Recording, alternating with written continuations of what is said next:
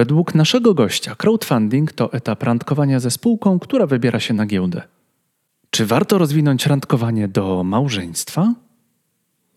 Z podcastu dowiesz się, dlaczego warto być akcjonariuszem firmy już na etapie crowdfundingu i jaka siła drzemie w ambasadorach firmy. Escola Mobile. Biznes masz w kieszeni.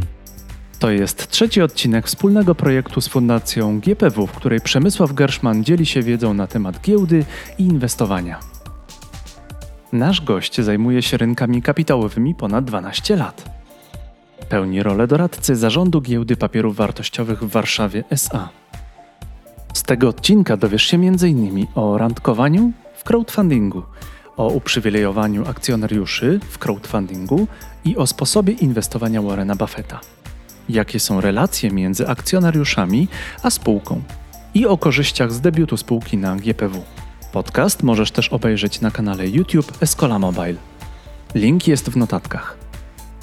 Zapraszamy na trzeci odcinek serii podcastów o inwestowaniu, przygotowany wspólnie z Fundacją GPW.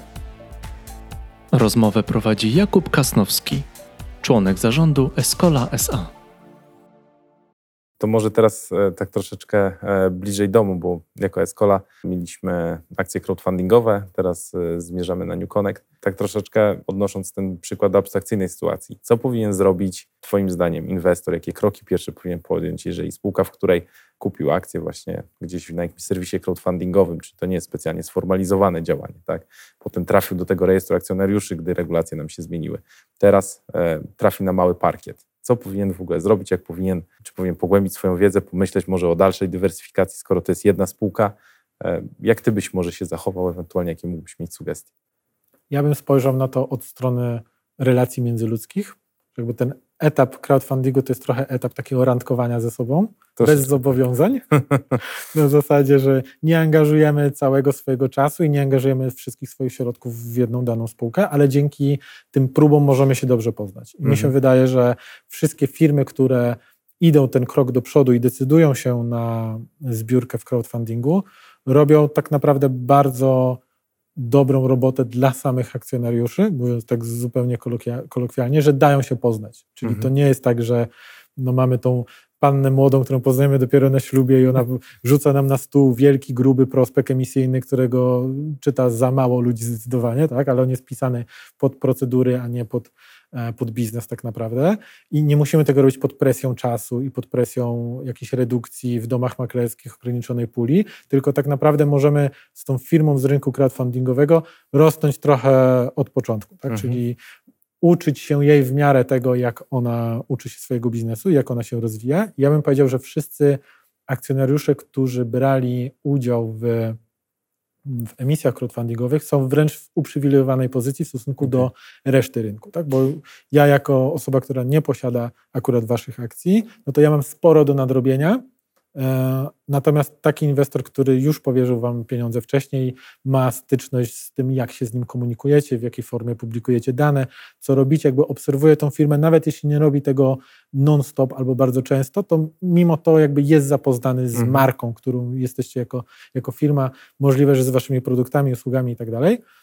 I on po prostu ma tą przewagę nade mną, gdzie, gdzie ja tego nie mam, bo, bo nie jestem inwestorem z tej rundy inwestowania. Więc ja zdecydowanie w pierwszej kolejności podszedłbym do tego tematu, że ja jako inwestor, który zainwestował teoretycznie w mhm. waszą firmę na etapie crowdfundingu, no mam tą przewagę i powinienem się zastanowić, jak ją mogę wykorzystać. Bo jeśli odejdę od stołu, e, no to muszę mieć jakiś powód, dlaczego odchodzę, a jeśli mam odchodzić tylko dlatego, że że tak chcę, no to jakby oddaję za darmo swoją przewagę. Tak? Więc okay. ja bym jako taki inwestor starałbym się wykorzystać to, że mam do Was dostęp, że Was znam i chciałbym na tym etapie podjąć decyzję, czy dorzucam więcej pieniędzy na mhm. giełdzie, czyli angażujemy się w coś więcej niż randkowanie, czy może no to jest ten moment, kiedy zrywamy i każdy idzie w swoją stronę. Tak? Więc mi się wydaje, że to jest idealna sytuacja dla obu stron, i dla spółki, i dla dotychczasowych akcjonariuszy, no bo spółka też zna swoich akcjonariuszy i mniej więcej wie, mhm. czego może od nich oczekiwać,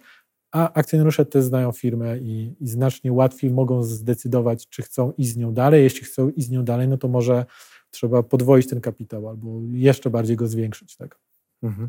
Albo dywersyfikować, skoro już założyłem rachunek maklerski po to, żeby e, zewidencjonować te akcje tej jednej spółki, no to może warto rozejrzeć się gdzieś w okolicach tej samej branży i na przykład, nie wiem, zdywersyfikować swój portfel? Zdecydowanie, ale to jest kwestia bardzo personalna. Tak zależy, mhm. kto ile ma pieniędzy i też zależy od tego, jak dobrze zna dany biznes. Buffett powtarza, że jakby dywersyfikacja jest tylko w tych momentach wskazana taka bardzo szeroka na dziesiątki spółek, jeśli bardzo mało wiemy o tych spółkach. Okay. A jeśli dużo wiemy o danej firmie, no to powinniśmy zwiększać naszą pozycję. No sam fakt, że no on u siebie w swoim portfelu, czyli w portfelu Berkshire Hathaway, no ma dziesiątki firm, tak, ale prawie połowa jego portfela jest zaangażowana w jakichś pojedynczych, i to portfela naprawdę ogromnego, licznego w miliardach dolarów, jest zainwestowana w pojedyncze firmy, tak? Więc on mhm. nie jest dywersyfikowany, że ma porówno w setce spółek, tylko w tej setce spółek to może ma jedną piątą kapitału, a mhm. reszta jest podzielona w kilka bardzo konkretnych firm, na które on w miarę upływu czasu stawiał coraz więcej, coraz więcej, coraz więcej, no bo jakby wiedział, że to jest to, tak? Poznawał tą firmę coraz lepiej i wiedział, że ta wspominana wcześniej Coca-Cola to jest ten drink, który wszyscy będziemy pić, bo jak Buffett kupował akcje Coca-Coli, to były lata 80., no i dobrze założył, że ta Coca-Cola będzie trwała cały czas. Tak, tak zresztą do teraz sam pije, jeden z największych ambasadorów marki. Prawda? Do, dokładnie tak. No, to, też jest, to też jest bardzo ciekawy temat, jeśli chodzi o akcjonariuszy, którzy stają się ambasadorami marki. I to jest taki trend, który w Stanach rozwija się coraz szybciej. W, w Polsce on nadal raczkuje, ale wydaje mi się, że on jest taką przyszłością. Tak? Że w mhm. sytuacji, w której ja mam akcję Coca-Coli, no to to jest naturalne, że wybiorę Coca-Colę, a nie Pepsi. Jeśli mam akcję McDonalda, to raczej nie jadam w KFC. Jeśli mam akcję Forda, no to jeżdżę Fordem. Co więcej, jest wiele programów za granicą, które premiują swoich akcjonariuszy okay. zniżkami. Przykładowo w Stanach można kupić Forda Mustanga trochę taniej, jeśli ma się akcję Forda. E, w Polsce mamy przykład takiego programu w Orlenie, gdzie posiadając odpowiednią liczbę akcji Orlenu, tankujemy taniej o kilka groszy na stacji. I to jest takie budowanie z jednej strony więzi akcjonariuszy z firmą, ale też mm, zatrudnianie w cudzysłowie samych akcjonariuszy, którzy stają się ambasadorami, ambasadorami marki. marki. I jeśli ktoś ze mną jedzie samochodem, to ja tankuję tylko na Orlenie i nie zatankuję na BP, dlatego że mam tam akcję i mam tam trochę taniej. I podobnie jest z kupowaniem produktów. Jeśli ktoś e, ma buty danej firmy, która jest na giełdzie, no to zupełnie inny jest związek jego z, z danym produktem, jeśli jest jego współwłaścicielem, jeśli chodzi o firmę, nawet jeśli to są jakieś pojedyncze ułamki procenta. To jest zupełnie inne podejście wtedy. W kontekście relacji inwestorskich, jak korzystną sytuacją jest, jeżeli inwestorzy, akcjonariusze danej spółki są ambasadorami e, jej marki? To w ogóle jest idealna sytuacja, zarówno i dla firmy, jak i dla samych akcjonariuszy. Jeśli ja korzystam często z produktów danej firmy, na przykład jestem fanem Apple'a i mam i iPhone'a, i MacBooka, jeszcze jakieś inne urządzenia, no to przynajmniej moim prywatnym zdaniem, no chciałbym też mieć udziały w tej firmie, jeśli uważam, że ona jest no, warta i moich pieniędzy, i mojego czasu. Jeśli jadam w jakiejś restauracji, ona jest moją ulubioną siecią restauracji, no to też chciałbym być jej współwłaścicielem. Nawet mm, jest to dla mnie korzystniejsze o tyle, że dzięki temu, że będę korzystał z produktów danej firmy, no siłą rzeczy będę wiedział coś więcej niż te suche cyfry, które są podawane w sprawozdaniach e, finansowych. Więc zdecydowanie taki model, w którym akcjonariusz jest jednocześnie konsumentem mm, i korzysta z produktów albo usług danej firmy, jest jest takim modelem idealnym. Wiadomo, że nie zawsze jest to możliwe. Jakby trudno, żebym ja się stał klientem KGHM-u i korzystał na masowym wydobyciu e, kopalni z podziemia albo wielu innych biznesów, które nie prowadzą tej relacji e, B2C. E, ale jeśli mamy taką możliwość, to zdecydowanie powinniśmy z niej korzystać. Po drugiej stronie są firmy, które też dużo skorzystają na tym, jeśli ich klienci będą akcjonariuszami, a akcjonariusze będą klientami, bo z jednej strony bardziej wiąże się taka osoba z firmą, lebo mm-hmm korzysta z produktów, e, jest akcjonariuszem, więc jeśli ma akcję danej firmy, to będzie też chętniej korzystała z produktów danej firmy.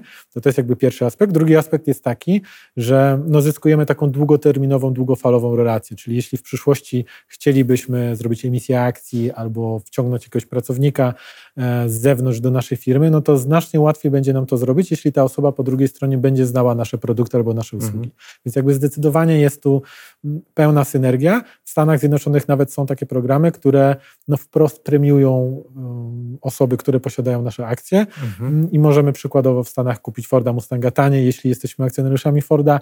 W Polsce możemy taniej zatankować, jeśli mamy odpowiednią ilość akcji Orlenu, więc u nas w kraju jest to jeszcze dosyć raczkujący e, model, ale rozwija się bardzo szybko i na pewno my jako giełda będziemy chcieli wspierać e, ten model i te firmy, które zdecydują się na dodatkowe benefity dla swoich akcjonariuszy. Mhm. Kwestia lojalności akcjonariusza jako klienta w ogóle firmy E, przy produktach to jest jedna sprawa. My, jakby nasze doświadczenie było troszeczkę takie, że poprzez akcje crowdfundingowe de facto byliśmy dosyć blisko naszych akcjonariuszy, bo to jest e, relatywnie mało sformalizowany proces w chwili obecnej. Na pewno no, no, nie można tego porównać z wejściem na główny parkiet. E, I teraz w momencie, kiedy mm, Escola trafia na ten mały parkiet New Connect, czy to pośrednictwo różnych instytucji, domu maklerskiego, giełdy nadal pozwala na zachowanie takiej relacji i polecanie na przykład tych usług jako bezpośrednich korzyści dla samej osoby polecającej? To dużo zależy od woli zarządu, na ile mhm. ona chce, na ile zarząd chce poświęcić czas na, na nawiązywanie takich relacji, na pewno warto i też wiele zależy od samych akcjonariuszy, bo docelowo najlepiej by było, żeby akcjonariusze wiedzieli jak najwięcej o danej spółce, ale to też się wiąże z tym, że muszą mieć tam odpowiednio więcej kapitału w nią ulokowaną, no bo jeśli mamy 100 spółek zainwestowane małe kwoty, to czasowo nie damy radę tego zrobić. Więc jeśli spółce uda się e, związać kluczowych akcjonariuszy ze swoją firmą i przekuć ich jakby na takich naturalnych ambasadorów, e, czy to biznesowych, czy, czy, takich po prostu fizycznych, e, to zdecydowanie będzie to z korzyścią dla wszystkich, a giełda częściowo to wręcz ułatwia, dlatego że akurat w Waszym przypadku no wy przeszliście tą ścieżkę crowdfundingową i wiecie, jak rozmawiać z akcjonariuszami, ale wiele firm zaczyna.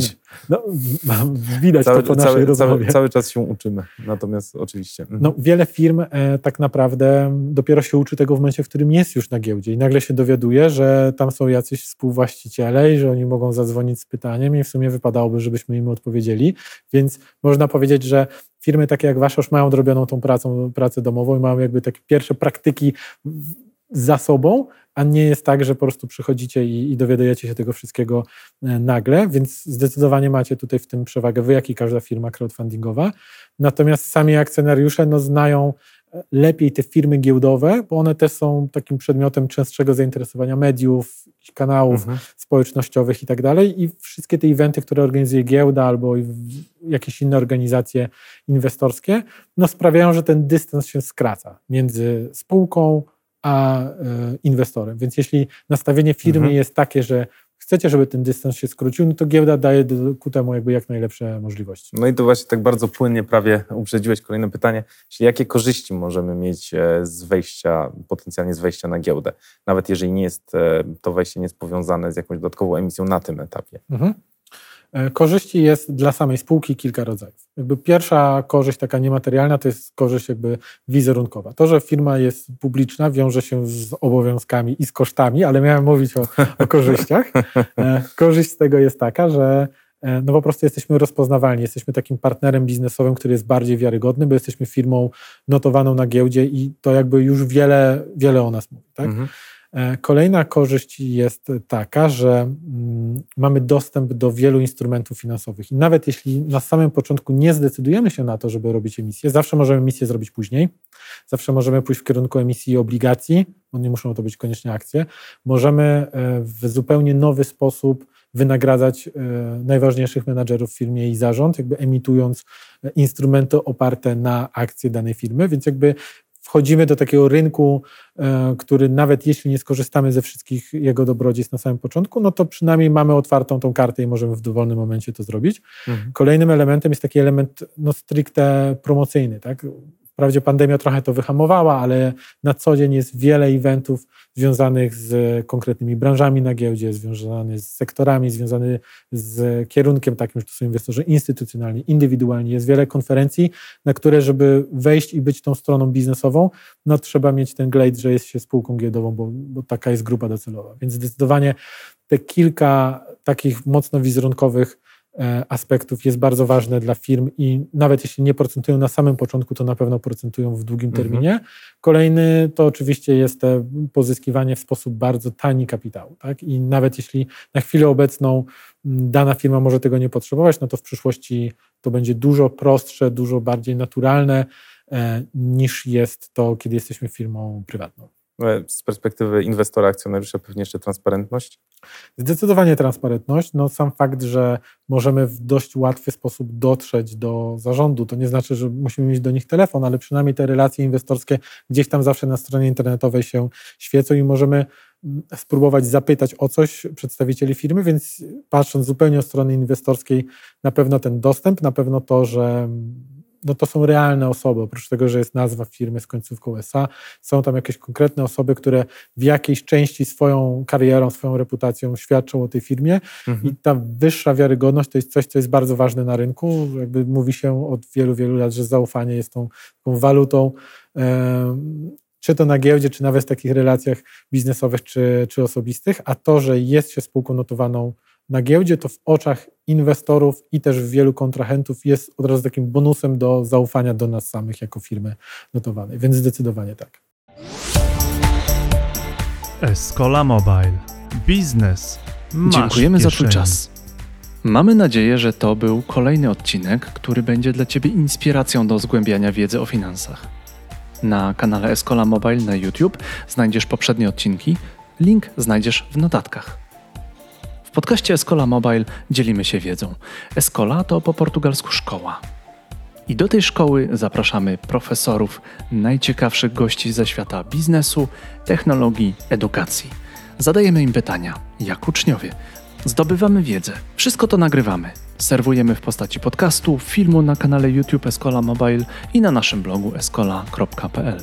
Jeśli ten odcinek dał Ci wiedzę, prosimy, podziel się nim w social mediach oceń go w aplikacji Apple lub Spotify. Wspólnie realizujemy misję podcastu. To był 105 odcinek podcastu Escola Mobile.